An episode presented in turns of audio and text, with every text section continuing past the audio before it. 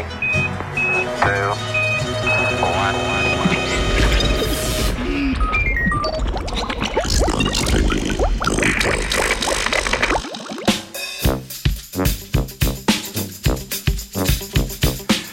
Dobro jutro, otroci.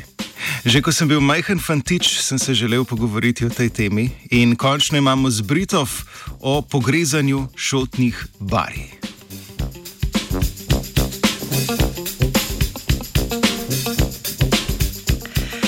Šotna barja so bila pri nas v preteklosti pogosto izkoriščena za namene pridobivanja kurjave, kar se danes kaže v tem, da jih na območju Ljubljanskega barja najdemo le še redko. Posledicam izkoriščanja šotnih barij pa so se v nedavno objavljeni raziskavi v reviji Nature Geoscience posvetili tudi znanstveniki in znanstvenice z Tehnološkega inštituta Massachusettsa. V objavljenem članku so se namreč posvetili raziskavi pogrezanja tropskih šotnih barij na območju jugovzhodne Azije.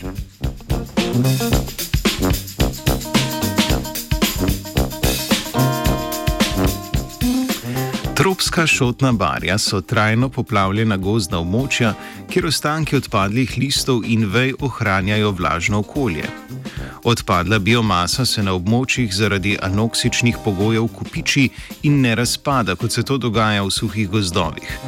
Človeški posegi, kot je vzpostavljanje industrijskih plantaž ali gradnja cest, vplivajo na izsuševanje teh območij, zaradi česar pogosteje prihaja do požarov, saj se v izsušenih območjih bari sprošča velika količina nakopičenega oglika.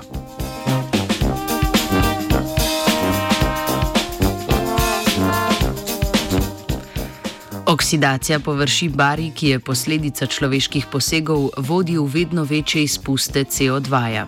Poleg tega lahko spremembe opazimo tudi v posedanju teh površin, ki pa bi lahko bile v bližini morja v prihodnjih desetletjih podvržene vdoru slane vode tudi zaradi dviganja morske gladine. Posedanje šotnih bari bi tako imelo ogromen vpliv na uničenje teh edinstvenih tropskih habitatov.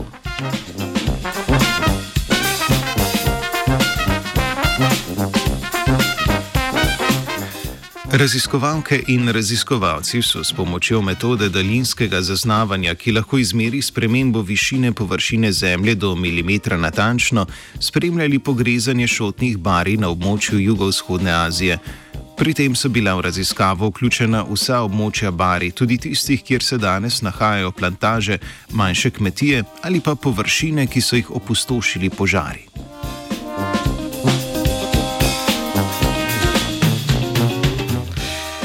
Rezultati raziskave so pokazali, da se tropska šotna barja v enem letu povprečno pogreznejo za nekaj več kot 2 cm. Poleg tega je raziskovalna skupina ugotovila, da se pogreza več kot 90% površin šotnih barij, kar pomeni, da ta proces ni omejen zgolj na območja s plantažami. Objavljena raziskava tako podaja v pogled v širšo sliko propadanja tropskih šotnih barij in opominja, da preveliki posegi vplivajo na te krhke več tisočletij nastajajoče habitate.